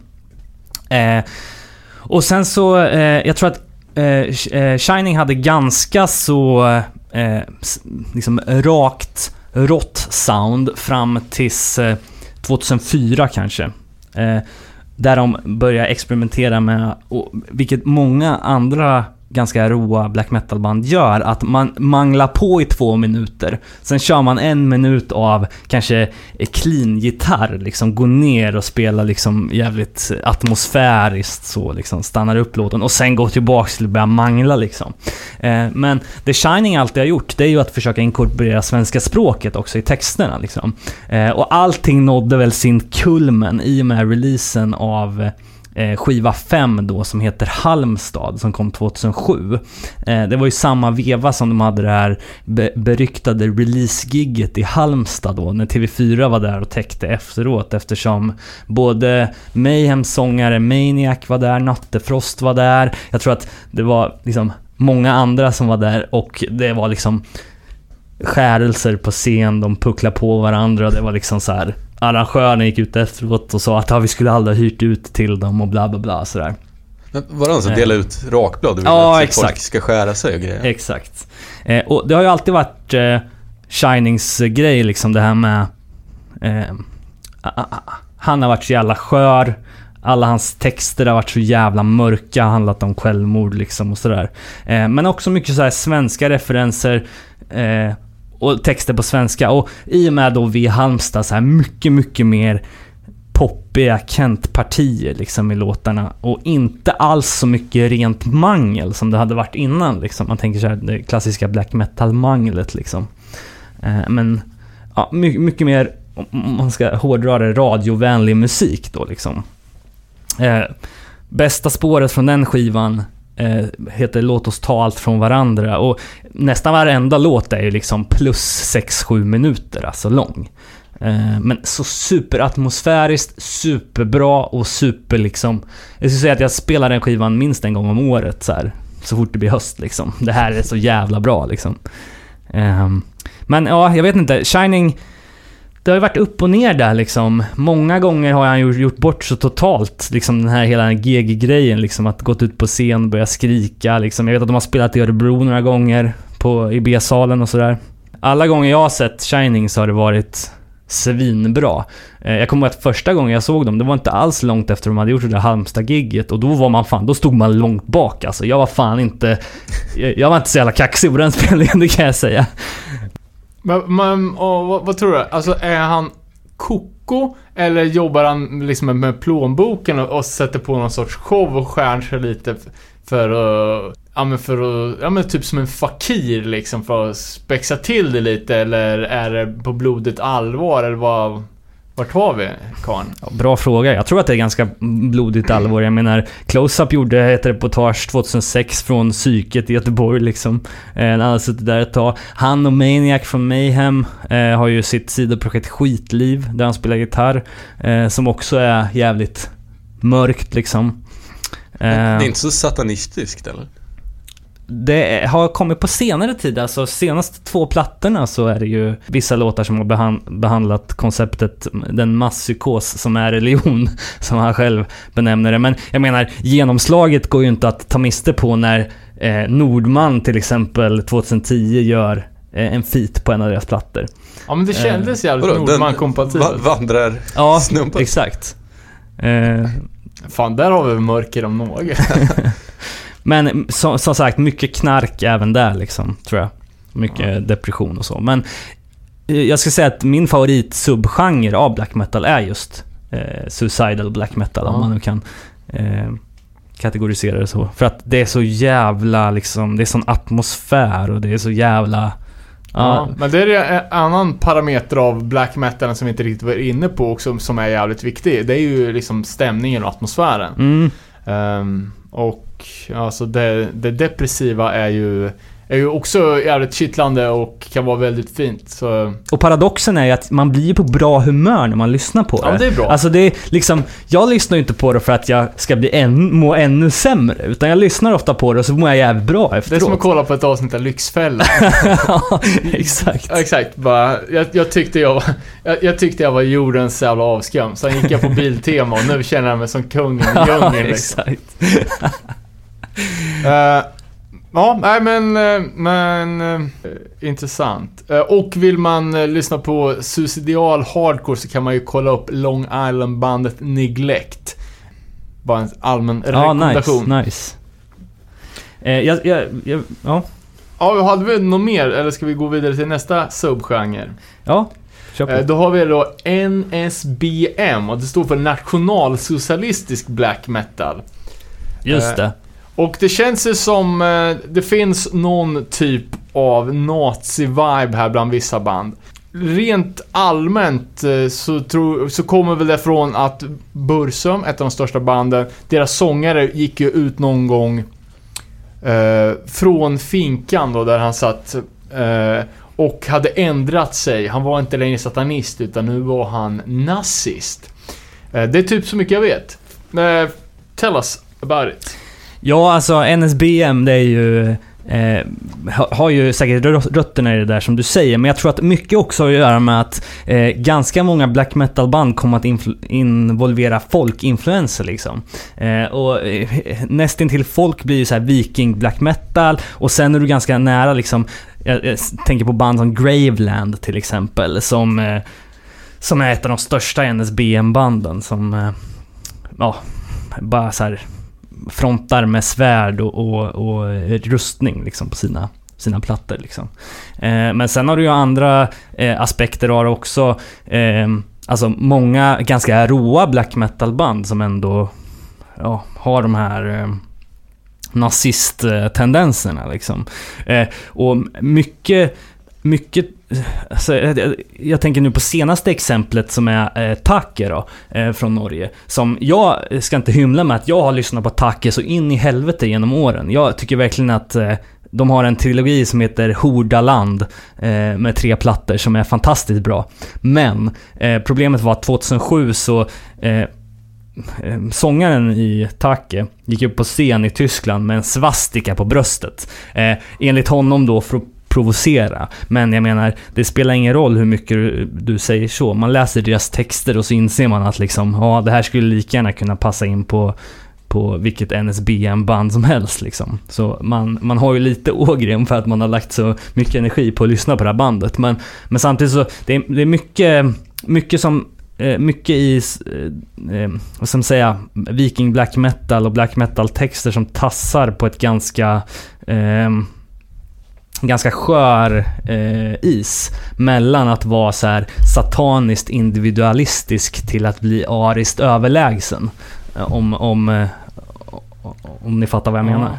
Alltså jag, jag har alltid tänkt det så, som att det skulle vara liksom någon sån här uttryck av allmän ondska. Jag hörde någon säga det liksom att bara Förvisso lite fegt att skilja ur vissa folkgrupper liksom. Men i brist på bättre så tycker jag att liksom eh, nazismen har, är fantastisk för att de utrotar så mycket människor. Mm. Och att det känns som att det där går inte riktigt att ta på allvar. Nej. Lika, liksom, typ lika lite som den här ultrasatanismen har liksom att eh, eller gore grind eller vad som Ja, helst. det känns som att, nå- att eh, det är någonting de slänger sig lite med. Eh, så jag är svårt att avgöra om det finns liksom någon äkta rasism eller om det bara är någon, ja men såhär tjock value-grej. Men skit i det. Jag menar, eh, alltså... Det, Nej, spe- jag- det, det, det spelar ingen roll, för hur som så har det ju ändå vuxit fram en scen av nazistiska black metal-band. Alltså det går inte att sticka under stol med. Det är ju samma sak som är på väg att hända med Straighters eh, Ja, subkulturen liksom. Ja, också extremt fascinerande den här östeuropeiska nazist straight edgen. Det blir ett annat avsnitt. Mm. Alright. Uh, ja, för... Men jag. Men vad, vad, vad tror du kom först då? Liksom eh, rasister eller nazisterna som började spela black metal? Eller tror du att eh, liksom eh, black metal-banden som har typ anammat det tänket för att det är, ja men typ ett, om de jobbar så mycket med hat liksom att det är Bra fråga. Ja, alltså, jag tror att, eh, jag säger så här, jag tror att det var en kombination av båda. För jag tror att det finns jävligt många band från till exempel eh, Norden och så som är mer åt liksom pagan black metal, viking black metal, folk black metal som inte alls är nazister. Ja. Men som ändå spelar musik som i fle- fel kretsar kan misstas för vikingarock liksom. Alternativt, eh, jag tänker på ett band som eh, som är så jävla bra som heter Windir från Norge liksom. Alltså det är ju super, eh, vad ska man säga, eh, landsromantiskt liksom. Alltså Ja. det är så här eh, höga berg, djupa dalar, snö och eh, eh, Norge-romantik liksom. Eh, kanske inte jättemycket i texterna men i, i, i bilder och imagery och, och omslag liksom. Eh, och det är väl inte alldeles, och även så här liksom jävla runlogga liksom. Ja. Men det är inte alldeles eh, otänkbart att sånt kan uppfattas fel i vissa kretsar och sen får man en idé om att man ska ge sig in och spela det liksom. Alltså, och sen kan man vara helt jävla galen som Graveland liksom också. Alltså det är Ja. Uh, I see, I see. Alltså fanns det något, något band där som brukar tas upp i de här dokumentärerna som heter Absurd? Ja, Ett tyskt gäng va? ja jag, jag har inte jättebra koll på... Ja, på ja, jag vet inte fan. Eh, Som, eh, som att det var kopplade till nå- något, eh, något typ av hatmord. Men så såg jag an, annat bara på ren googling då. Miss, Misanthrope Records, kan de heta så? Eller Misanthrope? Mm, Misanthrope Records. Eh, Som har släppt mycket med Bursum i alla fall. Jag såg ett reportage från deras kontor. Då hade de ju såhär Bursum-flagg med, med Totenkopf och någon jävla naziruna liksom. Mm. Jag upp i deras katalog, då är det såhär Mona Martha och Katatonia. Mhm. Sådana här svenska band som man inte kanske trodde skulle vilja ligga på ett bolag som håller på eh, med naziflört. Det var som fan. Mm. Amon Amarth är ju en av de fan största svenska metal-exporterna. Ja, ja, eller hur? Ehm, Och sen, jag tror också, om jag bara får tillägga det, att eh, de händelserna som skedde i Norge i början av 90-talet som inte har med Mayhem eller Euronymous och Bursum att göra. ja. Eh, det är ju till exempel då eh, trummisen i Emperor som högg ner en homosexuell man som sen också eh, i, var det i bör- mitten av, ja det var väl i samma veva ungefär som eh, eh, Dissection-snubben gjorde det i Ja. Sverige. Eh, också eh, liksom hela den här eh, mentaliteten. Och, Ja men alltså ho- homohatet var, är ju väldigt illa dolt, eller helt öppet Mm. liksom. Och det ser man ju i intervjuer alltså. Som är typ nya liksom. Okej, att... eh, Liksom... Alltså det allmänna klimatet typ 92 liksom att folk typ nästan på slentrian inte gillar homosexuella. Men här ser man eh, folk som slänger sig med bara ah, han dödade en jävla bög. Ja, exakt. Typ i intervjuer exakt. från typ exakt. sent 2000-tal. Och då är det liksom, det är ingenting som man kan skylla över med att typ, det var bara, det bara var. så. Nej, exakt. Utan exakt. då, då har man ju verkligen sett supertagit ställning liksom. Verkligen. Eh, Men en- grej som jag tyckte var lite intressant, det var att uh, Euronymous Oysten eh, försökte lansera kommunismen som, eh, som liksom den onda politiken. Att oh, vi är de ondaste och om man ska hålla på med musik, då är det liksom stalinismen. Det här var det, det är det sjukaste liksom. Just det. Men att det senare då, att folk valde att gå åt höger istället. Ja, men vad kan det ha att göra med då? Det kanske är samma, eh, samma grej som får eh, Host från Tack att kliva upp på scen med en svastika 2007. Jag menar, vad var det som hände i början av 90-talet i Europa? Jo, järnridån föll. Vad var det största hotet då mot den västerländska eh, makten? Ja, men det var ju kommunismen. Det är klart att man tar, tar på sig det liksom Ja. och för in det i sin onda subkultur liksom. Och det är likadant är liksom, som det japanska bandet The Stalin. Mm. Eh, alltså fan, folk hatar ju kommunismen i Japan. Bara de bara, ah, vi måste heta, heta det, värsta, det värsta vi kan komma på. Bara, vi heter The Stalin, så kör vi stenhårt med Stalin, liksom, foton på så. Eh, men jag vet inte fan, det är ja, svårt, svårt att ta, ta, ta det, det där på allvar. Men eh, alltså, fan. Och ens liksom flörta med det är, är ju fan idiotiskt. Ja, verkligen, liksom. verkligen. Men tror ni att eh, Bursum värvar nazis? Ja, det, alltså det kan man väl säga. För eh, även om han eh, inte... Alltså, även om det är hans mål eller ej så spelar det ingen roll. För det han skiter ur sig har ju ändå... Är ju öppet för allmän... Tolkningen? Ja, Ja. Och, eh, eller inte ens det jag menar. Eh, du kan ju inte ha som målsättning att eh, rekrytera nazister. Men om du står och skiter ut dig i massa nazistisk propaganda, det är klart att du kommer att ha influens på folk. Ja. Speciellt om du har en sån stor plattform, plattform, plattform som han har. ja. Nej, jag tänker bara att det är så uppenbart att han är bara är psyk i huvudet att, att... Men det är klart att folk kanske bara, ja jävlar säger han det så då kanske, då kanske det stämmer då. Ja, och det är det som är grejen med black metal också, att det är sån jävla... Det är ju ofta en jävla personkult liksom. Ja. Det blir ju det blir ett jävla following också. Det, det är så här, gillar du ett band, ja men då älskar du ett band. Det är liksom inte som att du, ja men jag har en pool av band som jag gillar, utan då är det... Ja, ja, men det är också en en av likheterna mellan eh, black metal och hardcore att det är en väldigt die hard fanskara Mm. liksom. Det är ju inga konstigheter att det, det kommer någon från Sydamerika och åker till, till Norge för att kolla på en replokal där något Nej, band har repat. Liksom. Lite eh, kul också med, med, med Bursum att eh, Varg Vikenäs, mannen bakom bandet, inte kan uttala bokstaven R. Asså? Eh, för han säger Buzum, Buzum, så bara okej, det är så det ska uttalas.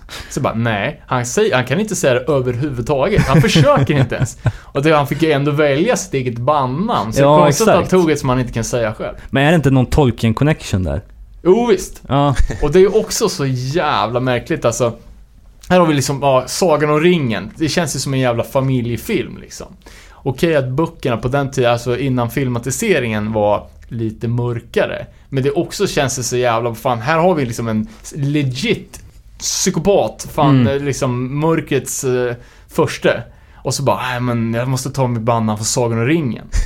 Och det är ju inte första gången liksom Nej, nej, nej. Gorgoroth, eh, Balrog. Alltså det finns sjukt många band som. Ja, och jag, jag satt och googlade lite bara liksom så här black metal band som har tagit, eh, tagit namn från Sagan om ringen och fick göra upp en lista på, alltså blandade hårdrocksband då. Eh, och det var många som refererade till olika ställen i den här Sagan om ringen-världen liksom. Mm. Så jag började börja andra änden och eh, typ tog fram så här kartor. Och så kollade jag liksom bara, ah, här har vi ett ställe liksom bara, typ eh, Asagatel. Bara okej. Eh, så gick jag in på Discogs och kollade bara Asagatel. Ja, det var ett black metal band. så bara eh, Dol Morrot. Ja, det var också black metal band. Hittade tio stycken. Eh, ja, eh, nu är jag så jävla dålig på att läsa så jag kan inte läsa upp dem för det kommer aldrig bli korrekt. Men eh, ja, Ja, säg några då så får vi se om jag känner igen dem. Eh, Ja, det finns ett holländskt band och det var ganska snyggt också för alla var rödhåriga. Krith Gorgor. Jaha. Eh, eh, Emil Muli. Hitilum. Minas Morgul. Och eh, Ruvendell. Okej, vad fan det är ju... Vattnadal på... Ja, jag menar Och sen finns det ett som heter Avatar. Okej. Eh, och förutom det här som, som var också eh, från Sagan om ringen som inte var eh, platser. Eh, var ju Valar, Orkrist och Nazgul och Dragul. Och då som vi sa, eh, då. Fan det är ju en festival man skulle ha. Men å andra sidan, jag gillar ju Dwarfs, så fan, jag är inte bättre själv. Eh, ja, bara, bara en liten, eh, litet oseriöst stickspår i detta oseriösa ämne. Eh, vad har vi mer då för? Vi var i- inne lite på, på Pagan Black eller Viking Black. Eh, har vi nå- några mer subgenrer som vi ska tafsa på? Nej, alltså... Det, det går ju att gå ner sig i vad som helst liksom. Melodic black metal och liksom så här. Men det jag skulle vilja nämna, det är ju lite så här... Eh, om vi, om vi går ifrån eh, subgenrespåret till att titta på HC-band som har lite mer BM-influenser kanske.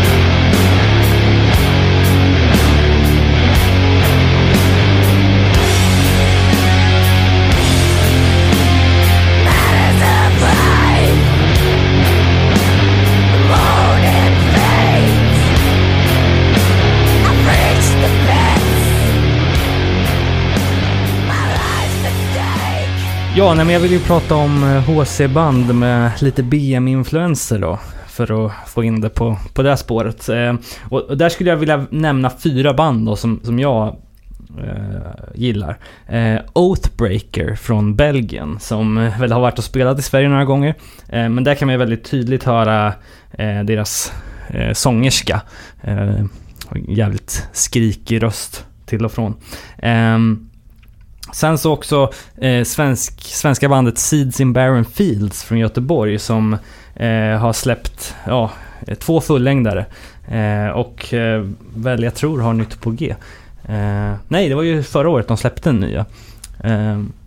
Och, och de har ju också jävligt black metal-influerat sound. Ja, och, utöver mycket annat då, ska vi säga. Men Ja, men liksom, ja, det, det finns ju en ganska tight koppling mellan en sån så här dark and crust och Exakt. black metal.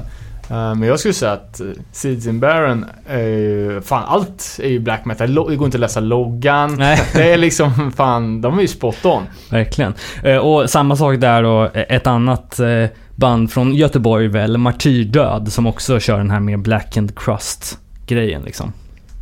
Eh, också jävligt stora utomlands. Jag vet inte hur, hur de har, hur det ser ut i Sverige för dem, men jag vet ju, jag var inne och kollade upp dem här. De, Ett av de få svenska banden som har en tysk Wikipedia-sida. Eh, Men de släppte väl en ny sk- skiva typ förra året. Ja, okej. Som var bra. Okej, ja just Eller det. förra, förra kanske. Och vad fan heter de där kära bandet? Kära bandet. De som hade Ja, som vi såg i Ja. Innan Integrity. Dukar doppade i kära på scenen. Ja, nej det har jag aldrig hört talas om. Nej, det kändes också jävligt black. Ja, eh, jag vill nämna Kvällertack från Norge också. Det är ju mer liksom rock'n'roll kanske, men eh, de, där har du ju också ganska tydliga eh, black metal-influenser och ett ganska punkigt sound. I alla fall på första självbetitlade plattan från 2011. Ja, det är ju hardcore. Alltså Marvin och basisten och eh, Maciek, gitarristen, spelar ju hardcore-band precis innan de drog igång det där. Mm. Eh, och var ju nära connectade med Purified in Blood. Som också gick över till mer black metal eh, influerat på, Mm. på de s- mitten-grejerna. Eh, och jag tänker ju liksom direkt på Integrity. Mm. Som i alla fall på deras senare grejer är sjukt eh, black metal influerat. Um, med det så här, ja men dels den ambienta grejen och men också med den här jävla nekro-ljudbilden. Eh, att det ska, ja men att det är så jävla lo-fi och, och harvigt liksom och med den numera karaktär, karaktäristiska jävla vässången liksom. Uh, och det är ju ett band som Uh, Men även att det är lite så här tomtar och troll och texterna också. Ja, ja exakt. Ja, det är för jävligt. Alltså fan vad jag är besviken på nya Integritys texter. Hur de liksom vad fan... Från någonting konkret, liksom Armenian Persecution handlar om folkmordet i Armenien 1915. Eh, då kan man liksom bara få en känsla att det här är viktigt, det här är bra. Men när de Mm. sjunger om de här jävla tomtarna så jag spyr fucking en låt till om häxor alltså. Det är ju likadant med Ringworm. Alla kör ju de där jävla häxorna. Jävla fattigt. Ehm, Ja. och det är också ett, en sån jävla mysticism-tema liksom. Ja. Ja. Ja, eh, nej men det var de banden jag tänkte på i alla fall. Eh, så får väl eh, lyssnarna gärna fylla på med mer om de har lite så här eh, black and hardcore liksom. Ja, men då, du snackar ju om liksom den här hipster black metal-grejen också. Ja, ja exakt. Har ni hört bandet Death Haven eller? Nej, Det ligger på Death Wish. Det Ja. är typ black metal. Ren black metal. Ja. okej. Fast det är spelat av typ hardcore killar. Okej. Och väldigt snygga också. ja, okej, okej. Ja, jag, jag beställde någonting från Death Wish och fick med en Death Haven-skiva bara, bara som en liten bonus. Eh, jag har inte kollat upp det något speciellt, men nu när vi bara pratar om det så det är ju jävligt udda för att det är ju verkligen pure, eller liksom ljudmässigt 100% black metal, men det ser ju allt annat ut. Mm. Den sjuan är ju typ helt rosa. Mm. Jag tycker det var- ganska bra. Ja. Men du hade ju säkert inte gillat det Robin. Ja, men säg inte det. Jag är väl fan rätt eh, versital i mitt lyssnande. Okej, Men- okej, du, du hade gillat det, men en riktig black metal-dude hade inte gillat det. Nej. Ja, men det är ju någonting som blir... Eh, alltså när man... Som sagt, fan det går ju inte att göra black metal och, eh, och leva upp stilen. Men när folk inte ens försöker liksom. när det står några snubbar i, i five panels och eh, kör black. Alltså det, jag förstår att de som är puritaner på det här inte gillar det. Och jag hörde ju liksom att Death Haven var ju liksom... Fan folk... Från black-hållet hatar de ju. Ja, ja. Medan typ så här, den här trendiga hardcore hipster-publiken liksom tycker att det är svin-cleant att de kör det. Just det. Man undrar om det finns liknande hat mot eh, Sheermag då från eh, rockhåll.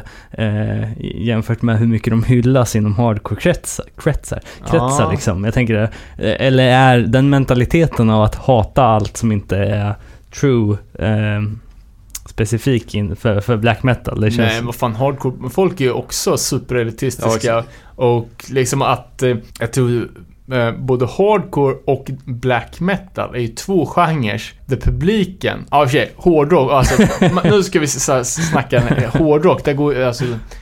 Eh, men just där, där publiken är helt övertygade av att det de själv lyssnar på är det överlägset, alltså coolaste, bästa och smartaste liksom. Och jag skäms, jag, jag tror ju seriöst att liksom, okej, ka- kanske inte liksom, eh, du vet, tysk guldkedja hardcore, att det skulle vara någon så här hö, hö, högt stående kulturyttring.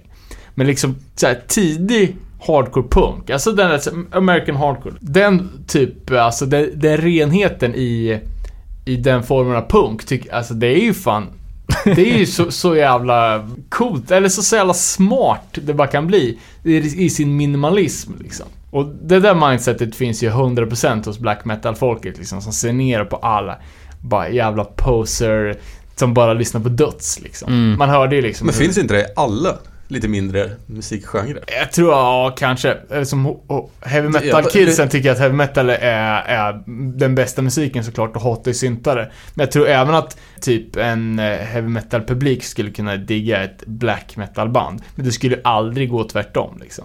Men jag menar mer att, du vet, att det ska vara så jävla äkta. Att det finns i alla sub. Ja, kanske. För jag hörde någon nisse på radio som var toklack över att i Melodifestivalen är det någon som gör dansbandsgrej. Ja. Typ att det var så jävla, att de typ drev med dansbandsgenren. Typ, det var ju fullt allvar för honom. Fan vad sjukt. Att det inte var äkta dansband. Ja, exakt. Det garvar man ju åt, men jag menar för honom är det ju säkert som om något band kommer och påstår att de eh, New York Hardcore. Ja, 82 ja det, liksom. det känns i alla fall som... som eh, det, är- det är klart att man ser bara världen ur, ur sina egna ögon, men eh, som att eh, den här elitismen och eh, liksom fram, eh, som förhärligandet av den egna grejen är extra stort i alla fall inom eh, hardcore och black metal. Men vad vet jag? Vad vet jag? Ja, jag tänkte bara eh, dra lite snabbt också hur, hur det kom sig att jag kom in på black metal. För det är ganska likt hur jag kom in på hardcore punk. Eller snarare hur jag kom in på skatepunk. Eh, för jag har ju berättat tidigare om när jag gick Hur upp... fan var det? Två genrer som inte går bra ihop egentligen.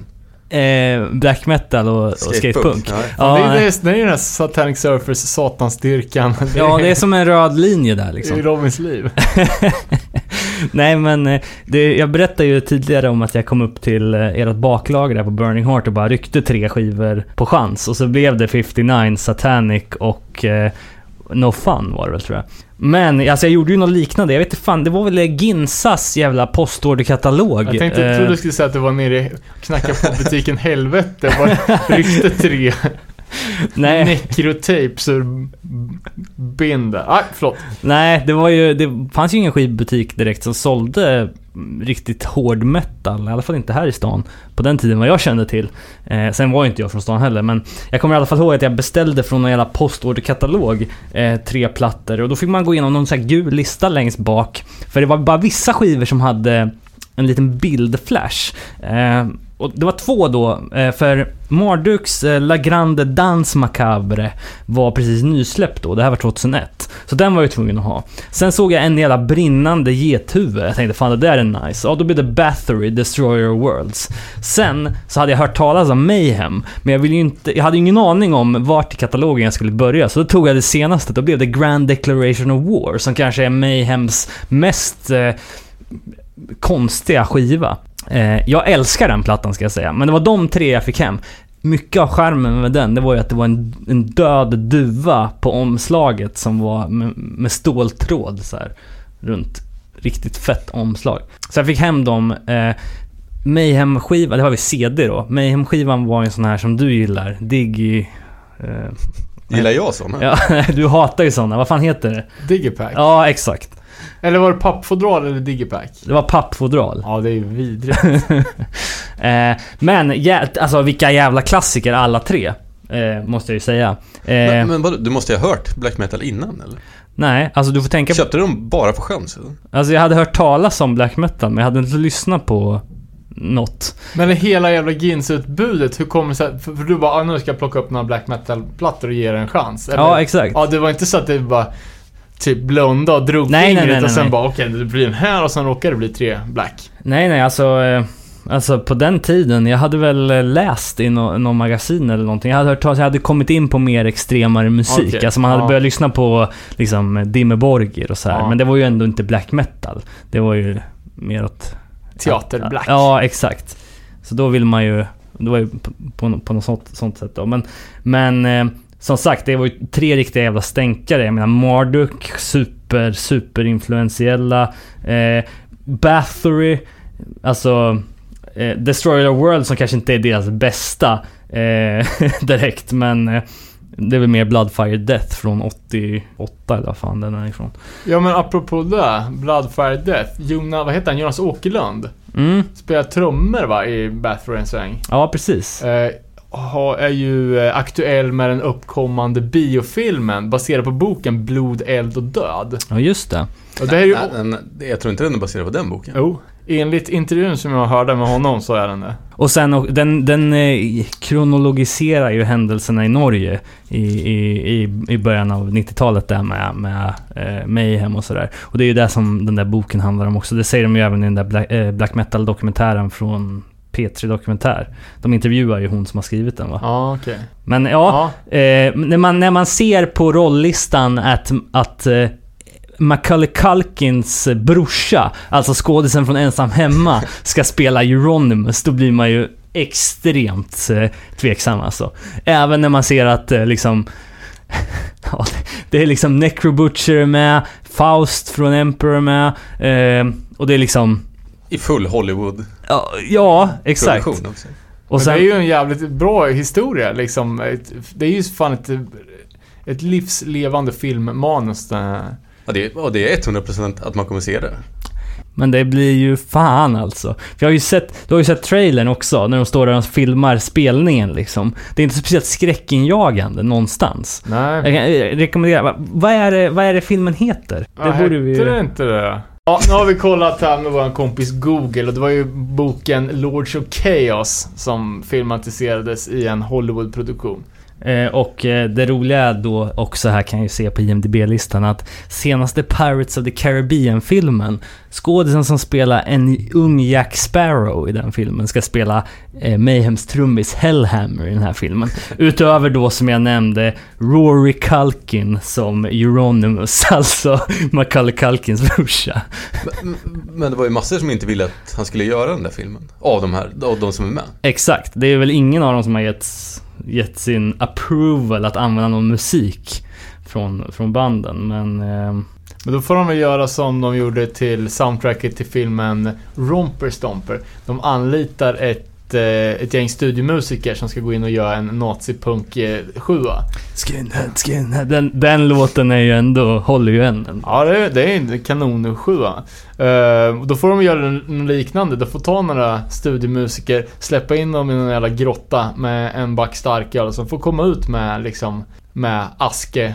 Jag menar det. två, liksom. Och, och det ska jag ju säga då, eh, de kan ju faktiskt ta några Death Haven-snubbar, för jag menar, hade det inte funnits något internet, då hade man ju inte kunnat googla asen. Då hade man ju trott att det var, liksom, troll. Ja men, ni fattar.